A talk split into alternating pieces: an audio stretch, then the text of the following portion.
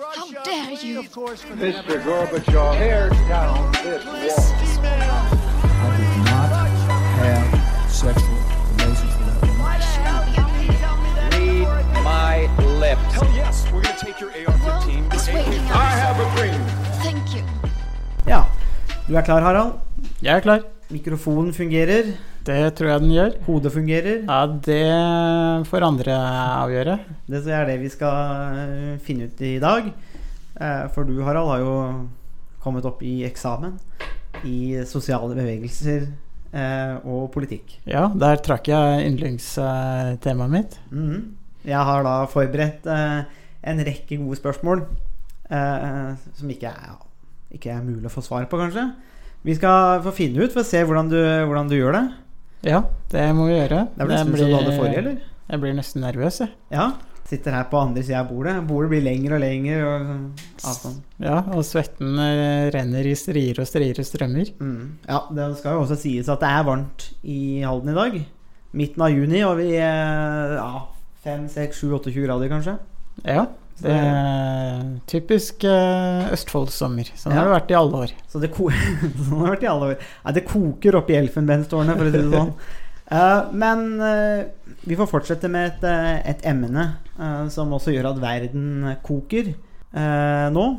Og det er jo Vi har jo vært innom i en tidligere podkast om Black Lives Matter og de demonstrasjonene, opptøyene eh, som vi ser rundt omkring i verden. Det er store demonstrasjoner etter drapet på George Floyd, eh, som måtte ha gitt ny aktualitet til eh, politibrutalitet, særlig i USA, for det er jo der, det, der, dette kommer fra. Så har det blitt plukket opp andre steder i verden òg. Så tenkte vi litt som inngang til det vi ser nå, for det er jo igjen jobben vår, Harald, er jo på en måte å prøve å være litt analytiske, da. Det hender jo at vi klarer det. Men og en inngang til å se på disse bevegelsene er å se på det måte, via litt sånn politisk analyse. Uh, og litt sånn forenkla så kan vi jo bruke som utgangspunkt at politikk handler om hvem som får hva, når og hvor. Og så er det ulike veier til politisk innflytelse. For det er egentlig det det handler om. Hvis det, hvis det handler om hvem som skal få hva, når og hvor, så er det ulike veier til å oppnå disse tingene.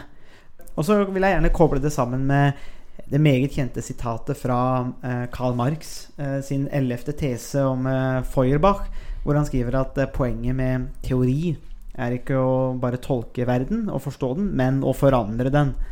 Og det setter, tenker jeg kan sette litt av rammene for dagens diskusjon om BLM, altså Black Lives Matter, og det vi ser nå. Og et, kanskje et, et godt spørsmål Jeg lurer på om jeg skal starte på et spørsmål, faktisk, som vi hadde i en tidligere podkast. Aller først, Harald. Altså demonstrasjoner, opptøyer, sosiale bevegelser osv. Vi skal gå gjennom og definere de mer spesifikt. Men har det noen plass i demokratiet? Altså, sånn, sånn som vi ser nå i BLM, har det noen plass i et demokrati? Ja, eh, vi, eh, vi var jo litt inne på det eh, tidligere også, eh, i en tidligere podkast. Og det, det korte svaret er jo at ja, eh, det, det har en, eh, en viktig rolle å, å spille. Eh, Det er et uttrykk for eh, organisasjonsfrihet, forsamlingsfrihet, ytringsfrihet. Og i et åpent demokratisk samfunn så, så er det jo en helt grunnleggende rett å kunne si hva man mener, kunne protestere mot myndighetene, politikerne og andre som man er uenig i. Så um, forskjellige former for uh, protest og demonstrasjoner spiller en, eh, en helt uh, vesentlig rolle i, um, i politikken. Og så er det vel kanskje bra om vi ikke får Altså Det er kanskje bra at vi ikke får for mye av det.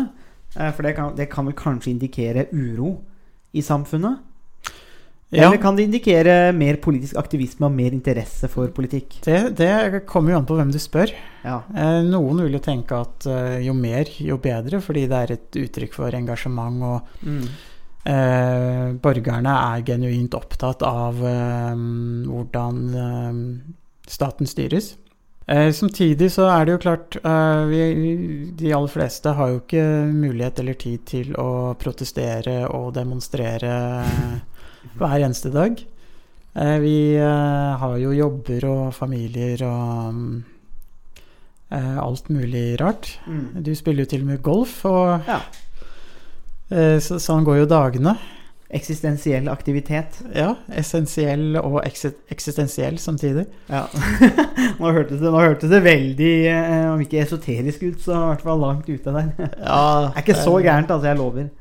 Eh, Men i hvert fall så, så er det jo det er, klart det er noen begrensninger for hvor ofte eh, man kan på en måte ta over en, eh, et bysentrum f.eks. For, eksempel, for å demonstrere, fordi det er jo folk som lever og bor og har jobber og aktiviteter som de skal, eh, skal delta i. Men samtidig så har vi også sett eh, i Hongkong eh, nå i eh, senere tid Mm.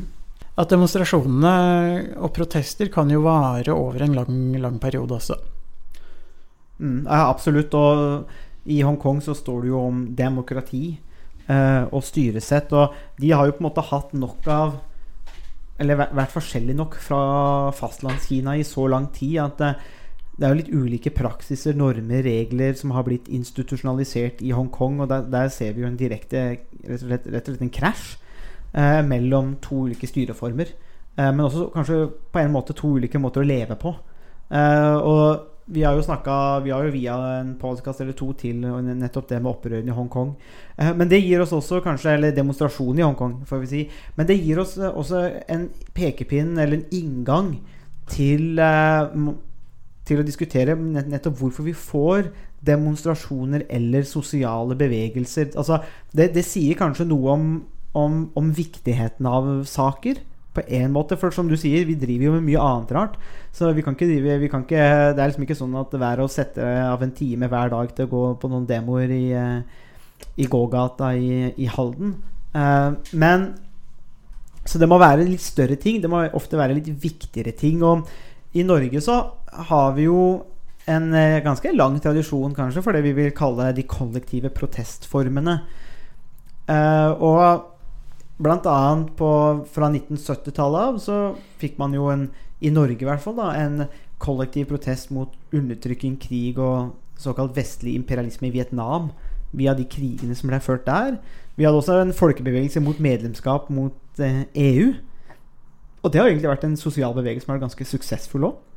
Hvis vi tenker på det. så det er jo to De, ja, Jeg sier ikke det at, det er, at det er kvalitativt bra, men at bevegelsen var effektiv, da. ja, det har vært en politisk effektiv eh, gruppe. Mm. Eh, De har vunnet eh, to folkeavstemninger om EU-spørsmålet. Eh, Så det er eh, høyst effektivt eh, av, eh, av den Men er er jo ikke det bare én organisasjon eller én bevegelse. Det er jo en, eh, en bred koalisjon av både eh, partier, eh, formelle, uformelle Mm. eh, grupper og, og bevegelser. Ja, det, det, det, men, men det gir oss en indikasjon på en måte hvilke store saker det er snakk om.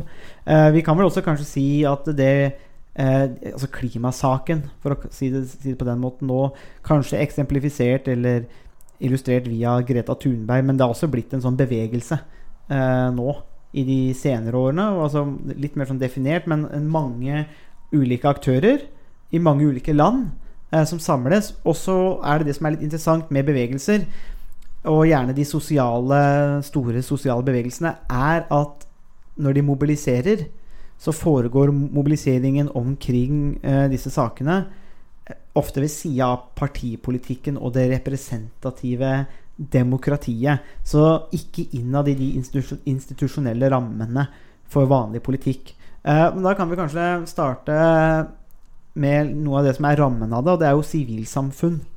Hva, hva er det?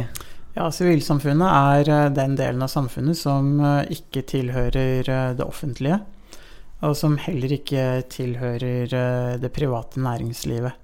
Mm. Så det er alle de organisasjonene, alle de eh, Så idrettslag, eh, sjakklubber, eh, Røde Kors Alle de delene av samfunnet som er i og for seg ofte organisert gjennom organisasjoner og eh, på en har et formelt rammeverk, Mm. men som ikke er økonomiske eller har, er, en del av forvaltningen eller det offentlige. Mm. Så det er den, eh, den delen som, eh, som egentlig er privat i prinsippet, men ikke, ikke bedrifter eller økonomisk, eh, økonomisk relatert. Mm. Og de består jo da ofte av nettopp av organisasjoner eller bevegelser, pressgrupper, som kommer sammen ofte for å løse eller fremme en sak eller eller, eller også sånne ting. Altså at man opererer i det, i, nettopp i det sivile samfunnet. Fordi skattepolitikk eller altså mange sånne andre ting, det ordner man jo ofte via partiene og i det offentlige. Altså, det er havner på en måte det som der man forsøker å løse en oppgave på, en måte det, på et frivillig grunnlag. Da. Eh, og vi kaller det også Vi kan jo slenge med den tredje sektor. Da høres det litt mer sånn eh, punch ut. Ja, det, det, det gjør det. Så det er, um, det er på en måte det rommet eh, mellom, mellom staten og bedriftene. Men hvorfor jeg tenker, og Veldig ofte så snakker man jo kanskje om viktigheten av det sivile samfunnet. Eller, eller den tredje sektor. Og det, er, og det er jo det vi ser nå i, i, i dag òg. den tredje sektor, eller sivilsamfunnet, som fungerer. Men hvor, hvorfor, hvorfor tenker du at det har en så, måte, så viktig plass? Eller har det en viktig plass i samfunnet vårt? Eller er det, så, for man kan jo si Kanskje det bare er liksom det private, og det er business og det private næringslivet som teller. Kanskje staten skal ha fra vugge til grav og ta seg av alle de vanskelige tinga som er med å leve. Så hvilken rolle har på en måte sivilsamfunn, og har det en viktig rolle? Ja, eh, absolutt. Eh, på, på, flere, eh, på flere områder. Det ene er jo at de fleste idrettslag og organisasjoner, frivillige organisasjoner, de, de dekker jo uh, ulike behov i, uh, i samfunnet som borgerne har. Eh, om det er idrett eller eh, eh, Røde Kors, eh, Speideren osv. osv. Så, så, så dekker de ulike behov eh, i samfunnet. Så det er den ene, ene verdien, og det er den, kanskje den mest sånn umiddelbare eh, verdien som, eh, som de har. Ehm, samtidig så fyller de flere andre eh, oppgaver også. Eh, en oppgave som de kan fylle, er at de, de er ofte et utgangspunkt for eh, mange som har en interesse av å eh, gjøre noe for eh, samfunnet som de er en del av. Eh, de kan også fungere, så de kan fungere som en, en slags eh, sk- organisasjonsskole. Hvor medlemmene og lederne i de ulike organisasjonene i sivilsamfunnet får opplæring i, i hvordan de skal være samfunnsledere. Eh, Og mange eh, politikere har jo tidligere, og også i dag også, hatt sin bakgrunn fra ulike organisasjoner. Eh, fagforeninger eller eh, andre eh, organisasjoner. Eh, så det har vært en slags Ehm, det har vært en slags lederskole uh, Mm. også. Og man har klart å bygge uh, ledere som har kanskje et litt annet verdigrunnlag enn det politikere har, uh, som har en annen bakgrunn. Altså ledere som kommer fra næringslivet, eller som kanskje har sin bakgrunn fra staten som byråkrater, eller forvaltningsroller. Mm. Så de, um, de vil kanskje kunne tilføre eh, politikken og samfunnet en, et litt annet perspektiv.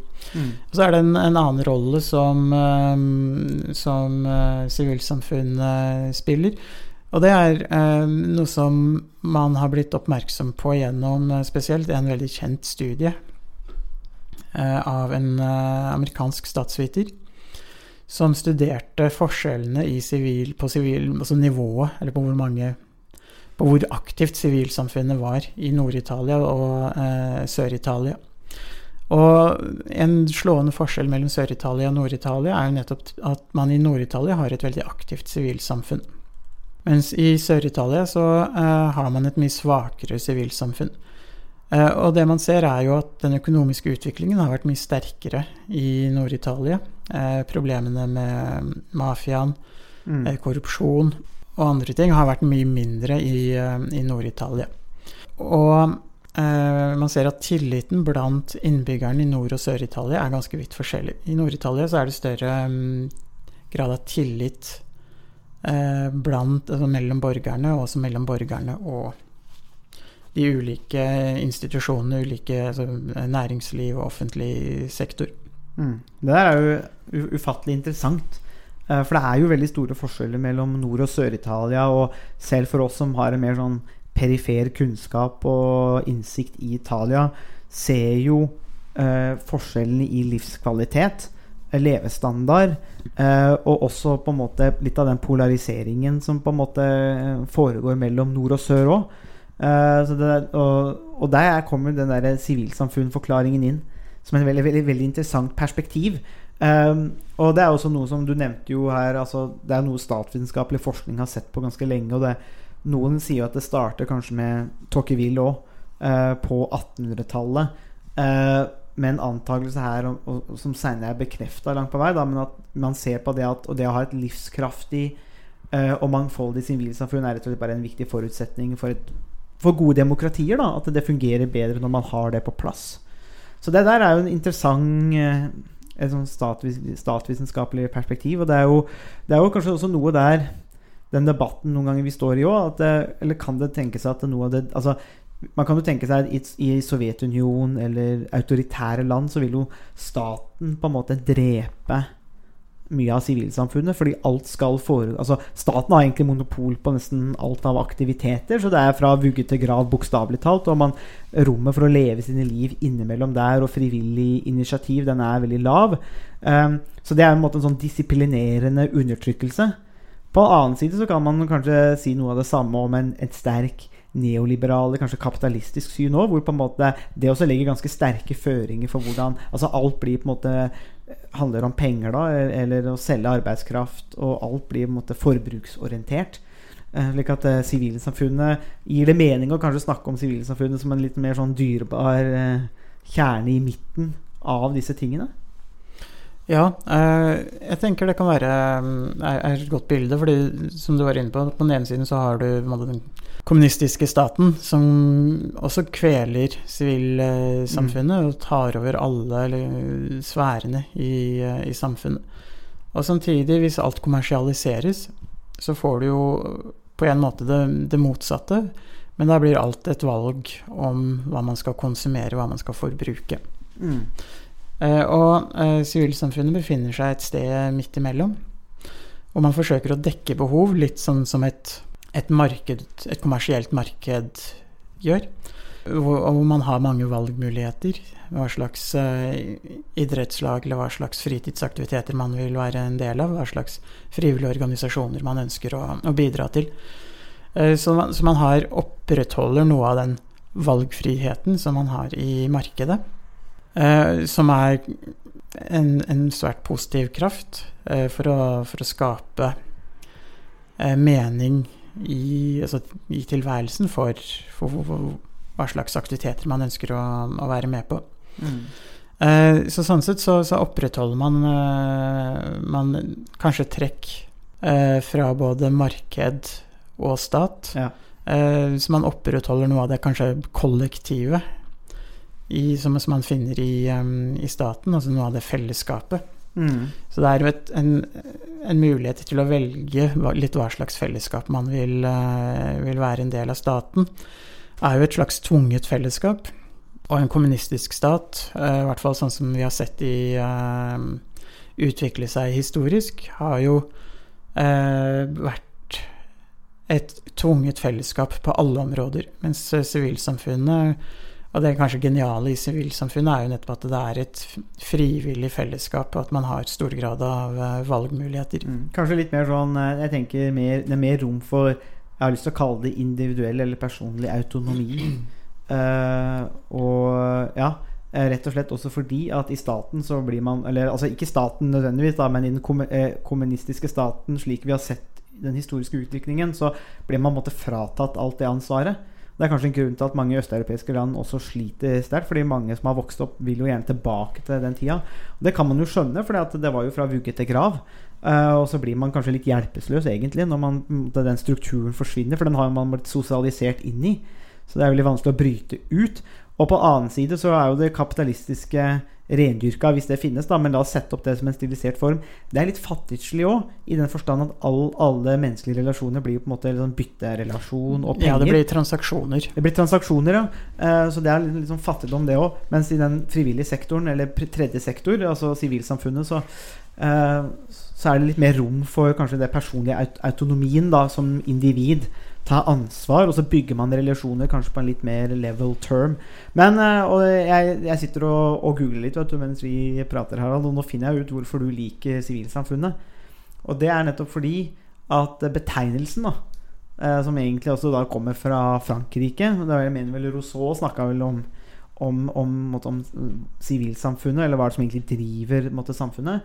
Men i den første ordboka, altså Oxford English Dictionary, der man definerte det, så kommer det fra Sivilsamfunnet er en term som ble brukt for å beskrive siviliserte samfunn eller dannet selskap. Så, eh, og jeg visste det var et eller annet som gjorde at du likte, liker sivilsamfunnet godt. Og det har noe med den danningen som du er veldig glad i. Så eh, der har vi, har, vi, har vi løst har vi løst det, og så har lytterne lært Lytterne og jeg vi har lært mer om deg nå, Harald. Ja, nå er jeg avslørt, rett og slett. Rett og slett avslørt. Men eh, tilbake til kjernen. Um, BLM, Black Lives Matter eller andre sosiale bevegelser. For det er jo kanskje det vi må kalle Black Lives Matter nå. En, altså, det har du på en måte egentlig alltid på én måte vært, men, men vi ser jo at det utvikler seg. Eller er det bare en demonstrasjonsgruppe, protester, eller er det sosiale bevegelser? Hvor skal vi, hvor skal vi, hvor skal vi legge den på skalaen egentlig da? Det er jo litt, det er jo litt eh, Det er jo ikke absolutte grenser her mellom de ulike eh, kategoriene. Nei, korrekt. Så uh, Black Lives Matter er vel sånn som det er i dag, uh, en slags sosial uh, bevegelse. Mm. Så det er, det er litt mer Det er en litt tettere og en litt mer sånn Hva skal jeg si organisert enn det enn bare tilfeldige demonstrasjoner er. Mm. Så man kan liksom bare protestere mot noe et bestemt sted, og så er det det.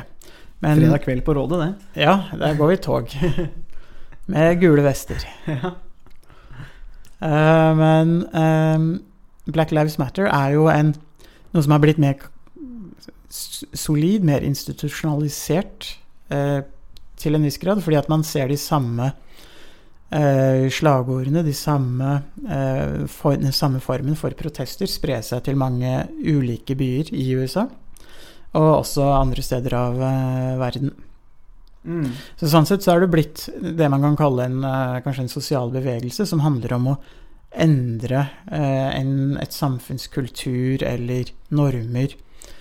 Eh, eller eh, sosial eh, omgang eller sosial atferd. Mm. Ja, jeg tenker jo at det er tilbake til det vi åpna med å si at altså sosiale bevegelser, og vi setter BLM i den kategorien, det handler jo om eh, ulike veier til politisk innflytelse.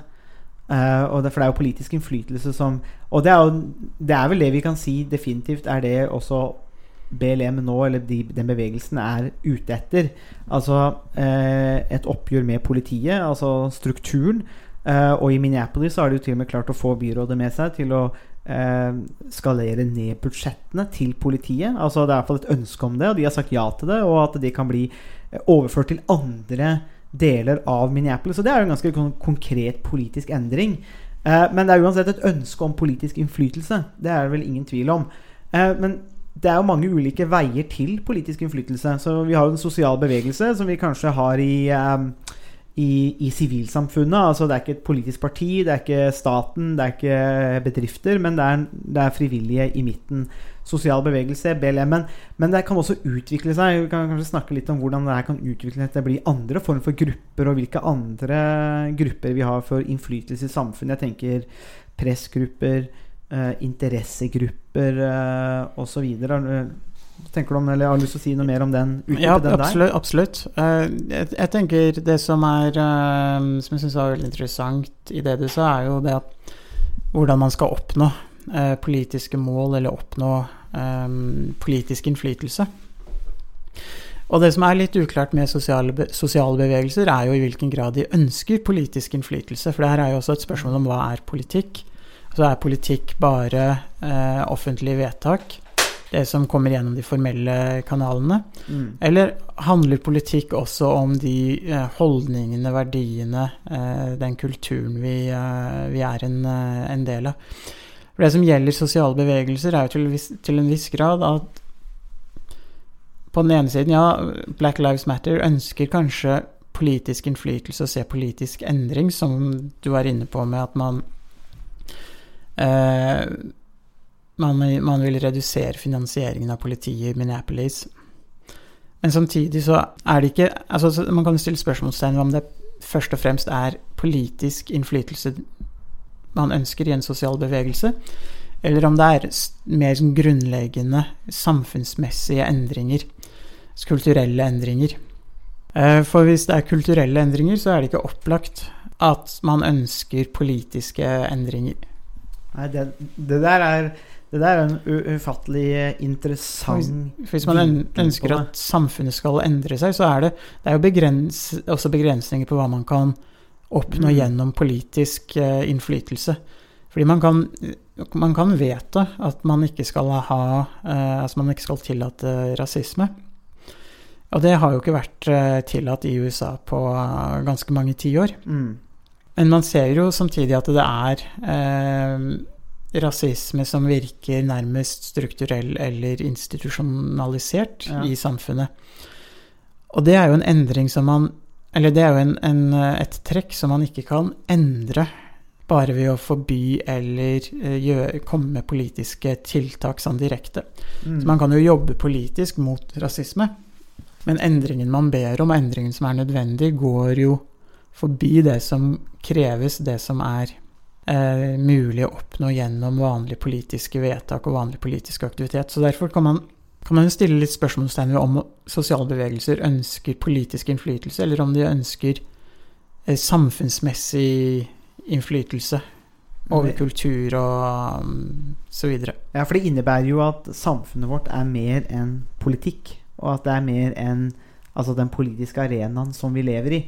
Eh, og det tenker jeg er jo det, det er jo en veldig viktig vinkling å ha med seg inn i den debatten som, som vi har. Altså, jeg tok jo den politiske, og det er jo så Og det, det er, jo, er det jo eksempler på. Men, men som du korrekt sier, at eh, hovedfokuset kan kanskje ligge et annet sted. For det, som sagt, man har jo vedtatt å ikke være rasister i USA i lang tid. Eh, mens eh, det kulturelle har jo ikke Altså, det, der har det vært helt andre det, Altså, det krever andre ting, da. Eh, og det er også det eh, vår gode venn eh, Galtung ville kalle kulturell vold. Men, men likevel vold, da. Selv om det er ulovlig, så foregår det, og det er kult kulturen som på en måte muliggjør det. Og, og da er jo på en måte Det jo da blir jo også den perfekte arenaen kanskje for nettopp em, altså sosiale bevegelser innenfor den tredje sektor, innenfor sivilsamfunnet. Det er der de hører hjemme. Men vil det da si at eh, hvis man da får kritikere som sier at hva er det dere ønsker ved hvilke altså politikk altså hva, Konkret hva er det dere ønsker, så kan det bli litt sånn urimelig krav for de på en måte òg. Fordi at eh, ønsket er en endring i kultur. Og så kan man si at ja, ja, men dere må jo komme med noe konkret som vi kan vedta i Kongressen eller Senatene, eh, eller hva det er. Men så, sier, men så skal, kanskje de på en måte kan snakke forbi hverandre, hvis du skjønner hva jeg mener. Sånn, at noen tenker kun institusjonell politikk, og at det skal foregå i institusjonelle rammer. Og så får man andre som sier at ja, men det fungerer ikke, og det vi ser på, er på en måte sivilsamfunnet, det er kulturen, det er på en måte de strukturene. da Tror du det er eh, altså, Det det var bare noe som slo meg, slo meg akkurat nå. At eh, kanskje man kan snakke forbi hverandre der. Eller at eh, og det å, Er det mulig å ignorere f.eks. sosiale bevegelser? Si at dere er ikke konkrete nok i politiske ting, så derfor får vi ikke gjort noe med det. Og så kan man på en måte ignorere krav. Jeg veit ikke. Ja, eh, krav eh, ignoreres jo hele tiden. Eh, så det er jo, det er jo i og for seg ikke, ikke noe nytt. Men problemet, eller spørsmålet er Altså, er det mange nok Ja. som støtter en bevegelse eller et krav, så kan man ikke unngå å ta hensyn eh, til, til de kravene. Og det er jo også noe av problemet for sosiale bevegelser. Nemlig det at det er veldig lite konkrete noen ganger. Altså man ønsker endring, man ønsker en slags aksept. Mm. Men hva er det den aksepten egentlig går ut på? Mm. Eh, og hvordan er det man kan formulere den, eh, den Altså de, de kravene man har.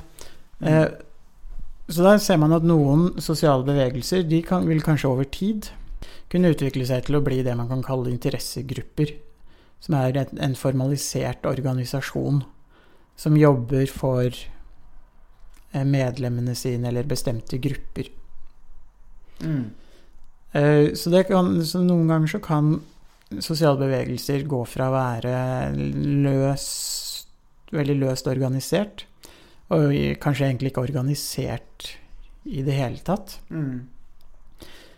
eh, til å bli godt organiserte og effektive interessegrupper som eh, aktivt søker politisk innflytelse.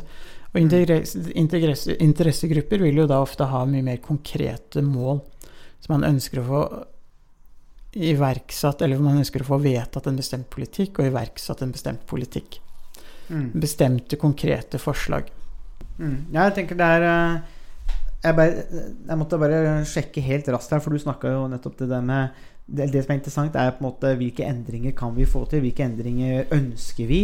Eh, det er ikke sikkert man er enig om det, annet enn at man mener at noe må endres.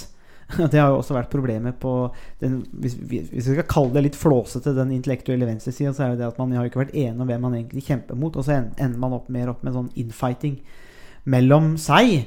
Eh, Så det er ikke alltid like lett. Man vet man ikke liker noe, men uh, hvordan man skal komme videre, det var ikke så fryktelig lett. Uh, men det vi, det vi veit, som jeg tenkte kan være interessant å trekke fram, er fordi at vi har faktisk empiriske studier på det som kalles for sivil motstand, og hvorfor sivil motstand er, er mye bedre enn voldelig motstand. Eh, og første artikkelen som kom ut der uh, av Maria Steffen og Erica Chenoweth, det var vel i 2008. Uh, og det er bare verdt å nevne fordi at eh, de baserte seg på ut, et utgangspunkt at, at hvorfor, er, måtte, hvorfor må du ha vold for å få til politiske endringer? Og så endte de opp med en motsatt stort prosjekt. Som, fordi de, når de så i dataene sine, så så de rett og slett det at skal man få at sivil motstand er bedre enn voldelig motstand. eh, og hvis man har en sivil motstandsgruppe, eller en bevegelse, som jobber for politiske endringer, så er, eh, så er sannsynligheten for at det lykkes det er over halvparten. En voldelig motstand lykkes sånn ca. 3-5 en, Forskjellen er enorm.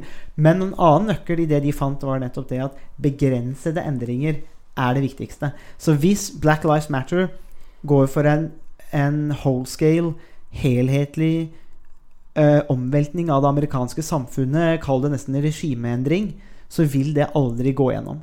Men hvis man eh, tar steg for steg, og det høres litt sånn kjedelig ut, men det er det empirien forteller oss, steg for steg, målretta, kanskje enkle krav, og man får det, får det eh, opp å gå, så lykkes det, og det er faktisk den beste måten å omvende eller omdanne et samfunn på. Da. Og jeg tenker litt at vi kan se litt paralleller til Norge med det. Ikke at det var samme undertrykning, men da vi var i, eh, var i koloni, var en koloni av Sverige, og, og undertrykt på det groveste av svenskene, så, eh, så var det også sånn at gjennom 1800-tallet så fikk vi steg for steg snike seg til en grunnlov, eh, formannskapslover, eh, gjennomføring av barnetog. Man tar det steg for steg for steg, i stedet for å si i 1814 vi skal ha totalt brudd med Sverige, som aldri ville blitt tillatt. Så bare bygger man det opp over tid. Da.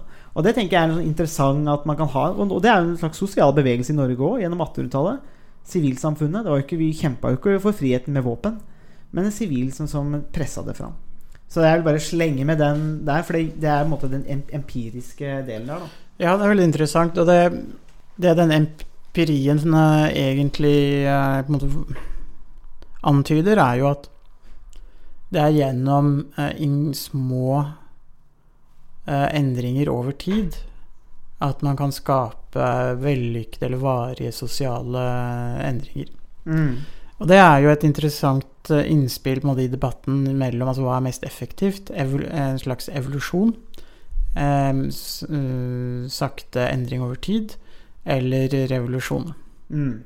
Og eh, den forskningen som du siterte nå, eh, antyder jo at det er den litt mer sånn forsiktige, konservative måten å endre samfunnet på som, som er mest vellykka, eh, kontra voldsomme, raske endringer, kanskje ved bruk av vold. Mm. Særlig det å unngå voldsbruk er veldig viktig, fordi at eh, vold skaper en annen dynamikk, eh, og det polariserer personer og grupper.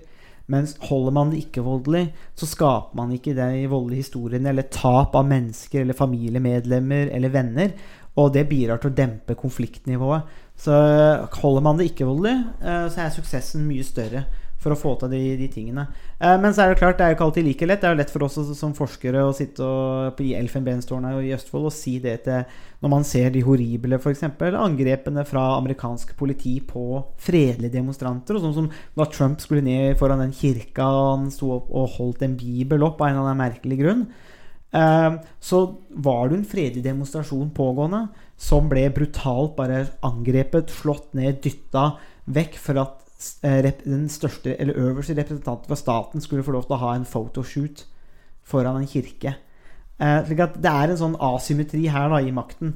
Men jeg tror det viktige av det vi vil ha fram, er uansett det at sivilsamfunnet um, spiller en viktig rolle. Sosiale bevegelser spiller en veldig viktig rolle når de er samla over tid og har litt uh, rett og slett tålmodighet. da. Uh, og det er noe av det som kanskje kan pre uh, Jeg tenker på utviklingen her òg. Kanskje vi kan begynne å se litt på litt i Norge nå med arbeiderbevegelsen, men også en sosial bevegelse, men som også forandrer seg til å bli en mer politisk bevegelse.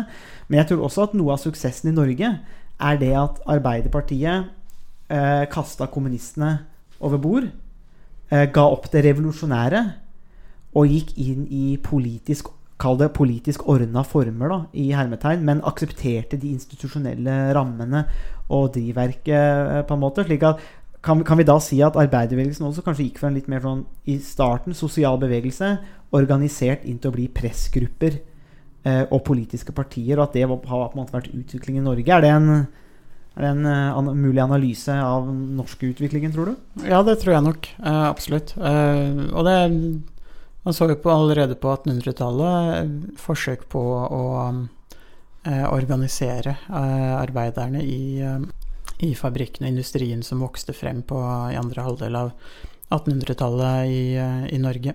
Mm. Eh, og så fikk man jo fagforeninger etter hvert. Eh, og så fikk man da et politisk parti. Og det er jo så interessant at man hadde den kampen innad i uh, Arbeiderpartiet om man skulle man ha en mer revolusjonær og mer mm. eh, Ja, man kan kanskje kalle det aggressiv eller mer offensiv eh, tilnærming til eh, arbeidernes rettigheter, eller om man skulle ha en skrittvis um, sell-out til uh, ja. kapitalismen. Og så valgte man jo den skrittvise sell-outen. Ja. Og det er jo um, Det har jo vært en suksesshistorie for Norge, kanskje. Um, at man har hatt en sakte, men sikker politisk utvikling i, en, i den samme retningen over tid. Mm. Jeg bare ser på den, eh, hva som står litt om hovedavtalen, altså i 1935 mellom NO og NAF. Eh, og noe av det som er viktig, bare for å illustrere litt av debatten her, og er nettopp det at NHO fikk i, den, i hovedavtalen aksept for styringsrett og fredsplikt, mens lønnstakerne fikk anerkjennelse for organisasjonen, forhandlingsrett og tillitsmannssystemet. Og det, i, På UiOs norgeshistorie så kalles det også et kompromiss mellom samfunnsklassene.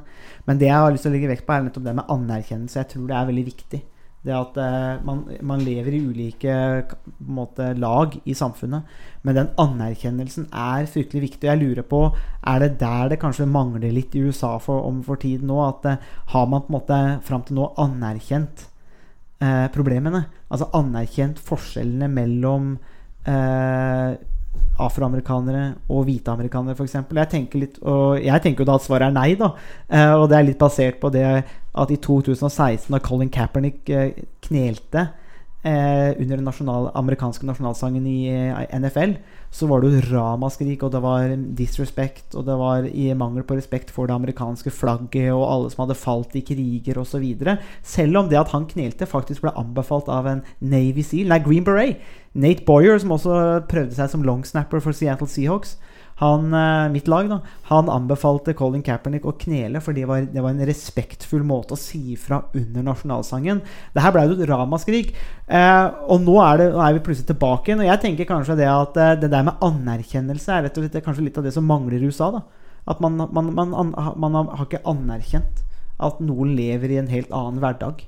I en annen form for eh, En annen virkelighet. da det er, jeg tenker, det er måte, Når jeg leser det, og jeg tenker at uh, suksessen i Norge på en måte er rett og slett anerkjennelsen av hverandre. Fordi at når, i det man har gjort det, så man, er man på en måte på like fot. Ja, Jarl Borgerbund han har eh, mye mer eh, verslig velstand enn eh, en, en ussel akademiker fra Hallingdal. Men eh, via den anerkjennelsen så er det uansett et, en, en, en, en base for tillit eh, og for samarbeid, og at man lever i samme virkelighet. Jeg vet ikke hva du tenker om den, eh, tenker om den analysen? Det er en virkelighetsbeskrivelse jeg ikke kjenner meg igjen i i det hele tatt. Men eh, eh, spørsmålet mitt om anerkjennelse er jo egentlig altså, hva, hva er det man skal anerkjenne i USA? Jo, altså, jeg tenker Det, det man ikke har anerkjent langt på vei i USA, er, er det at man har et system der man A. Ikke har, lov, ikke har lov, altså med loven i hånd, å diskriminere eh, og rett og slett være rasist, men som i B i praksis fungerer som Jim Crow-lover nummer to. Eh, 2,0. Det har ikke gjort noen endringer. Eh, eh, svarte amerikanere blir arrestert mye oftere. De blir drept mye oftere av politiet. De har dårligere tilgang til utdanning. De bor ofte i miljøer hvor altså utdanningsmulighetene er dårligere enn for mange andre. slik at de kommer på en måte aldri opp og fram. Men, så det er en helt sånn sosial endring. Men jeg tenker konkret BLM. Så tenker jeg det er helt konkret De har ikke fått anerkjennelse for at pga. hudfargen sin så behandles de annerledes av politiet enn om du er hvit. Uh, og de, det, det, tenker jeg er en av de tingene som blir anerkjent. Og at uh, mange i USA er rett og slett nødt til å anerkjenne at systemet, selv om institusjonen skal være upersonlig og behandle alle borgere likt fordi at de har en status som borger, så gjør faktisk ikke det amerikanske systemet det. Det diskriminerer selv om det ikke skal gjøres. Og det er det de Nå skal jeg ikke prate for BLM, men det er sånn jeg leser situasjonen, at det er et rop om anerkjennelse om at oi, her, vi blir behandla forskjellig fra dere andre, og det er en diskriminering som ikke vi lenger finner oss i, da. Det er det jeg tenker. Var det et godt svar på spørsmålet ditt, eller? Var det ikke, var det ikke du som var oppe til eksamen, da? Åssen snudde det her? Ja, ja, det er en interessant eh, twist fra Veit aldri hva som kommer i SOS. An angrep er det beste forsvar, er det ikke det? jo, det er noe som sier det. Jo, altså, nei, altså um Grunnen til at jeg stilte spørsmålet tilbake til uh, eksamenssensoren, er egentlig mest fordi at jeg, da jeg tenkte gjennom det her nå, så oppfatta jeg vel kanskje den anerkjennelsen mellom arbeiderbevegelsen i Norge og arbeidsgiverne i Norge som en litt annen form for anerkjennelse enn den anerkjennelsen som uh, det er snakk om uh, rundt Black, Black, Lives Matter. Det er litt annerledes når man har en konkret forhandlingsmotpart som man skriver en hovedavtale med, og inngår et langsiktig uh, samarbeid med. Mm. Og det her er jo også litt det som er forskjellen, som vi var inne på tidligere, mellom interessegrupper og sosiale bevegelser. Arbeiderbevegelsen hadde jo da vokst til faste eh, organisasjoner, LO, som du nevnte, som da var i en posisjon til å skrive en avtale med arbeidsgiver, arbeidsgiverorganisasjonen. Mm. Og der tenker jeg at det er en forskjell mellom den anerkjennelsen, eller to ulike ting som skal an, som man som, um, som, an, som, som man ber, hvor man ber om, eller som, ber om, uh, som man ber om anerkjennelse for. Da.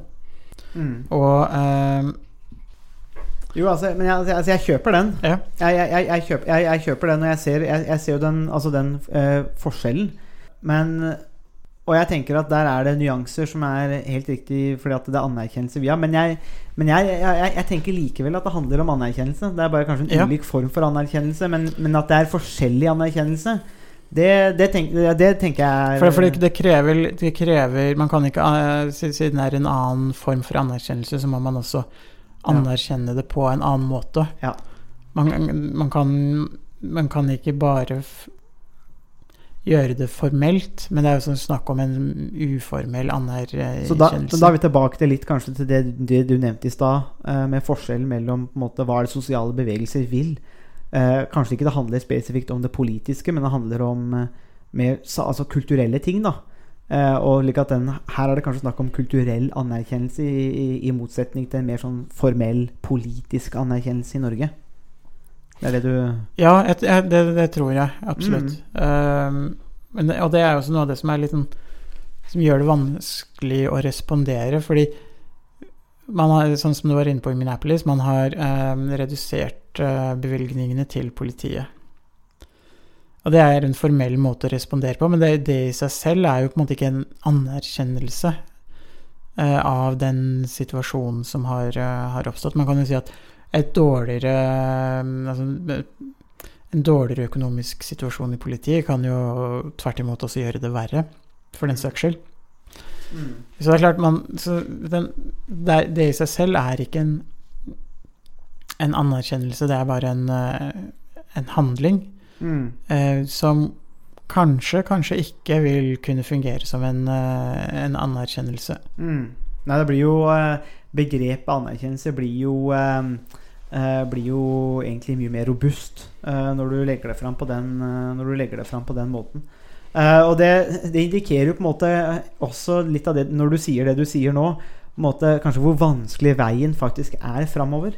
Uh, for bare la oss ta USA som eksempel. da Uh, ettersom det var der drapet på George Floyd skjedde, og, og der er jo på en måte si, konfliktene mye mer krystalliserte. Men det sier litt om kanskje hvor vanskelig veien framover er òg.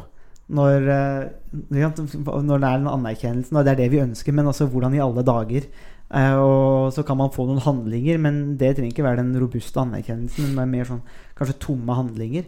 Eh, så jeg tenker, det, det bare viser på en måte hvor ufattelig komplisert det er, da. Ja, det er veldig, veldig komplisert, og det eh, Man kan jo Det det er jo ikke en, en veldig sånn identisk eh, sak, men hvis, man kan jo se på um, frigjøringen av kvinner, eller altså kvinne... Eh, Kvinnekampen. Kvinnekampen som foregikk også over eh, en veld, over veldig lang periode, så fra eh, andre halvdel av 1800-tallet. Eh, og eh, egentlig over, godt over 100 år før man i de fleste vestlige samfunn hadde noe som kunne sammenlignes som like formelle rettigheter. Og i dag så har jo også kvinnekampen fortsatt.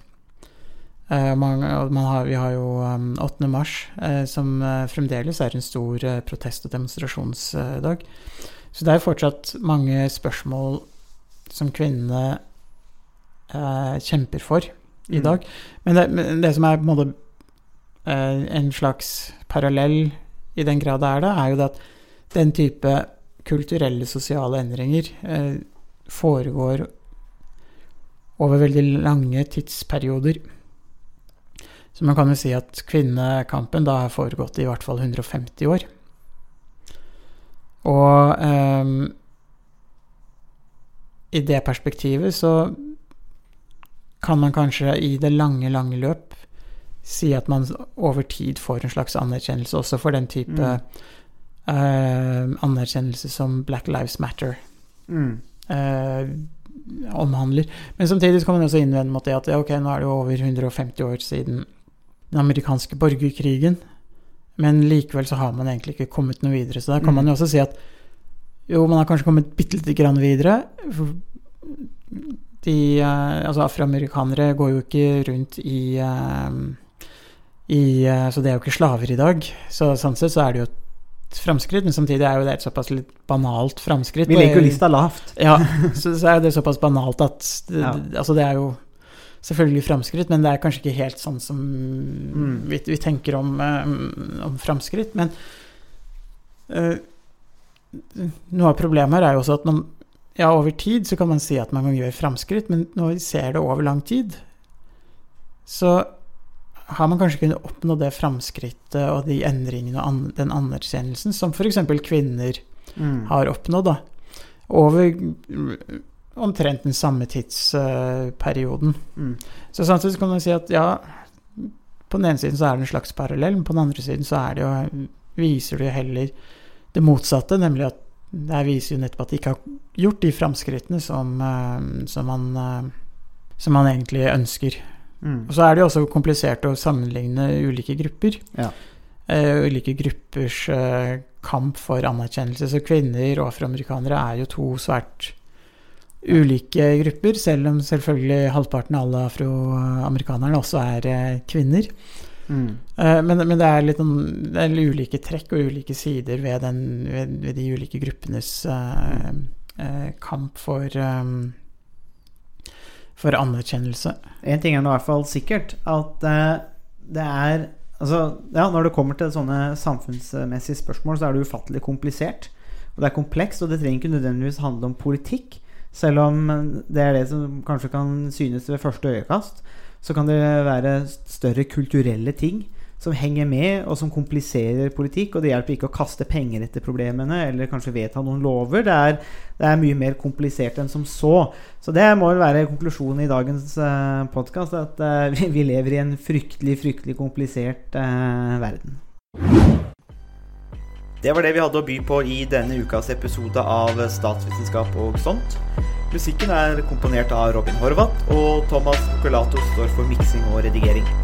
Du finner oss på Facebook, bare søk på statsvitenskap og sånt.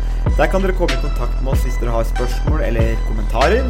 Der finner du også aktuelle artikler, videoer med mer. Vi setter pris på om dere liker sida, og deler den med andre som dere tenker vil ha glede av å høre på podkasten. Vi change is coming whether you like it or not.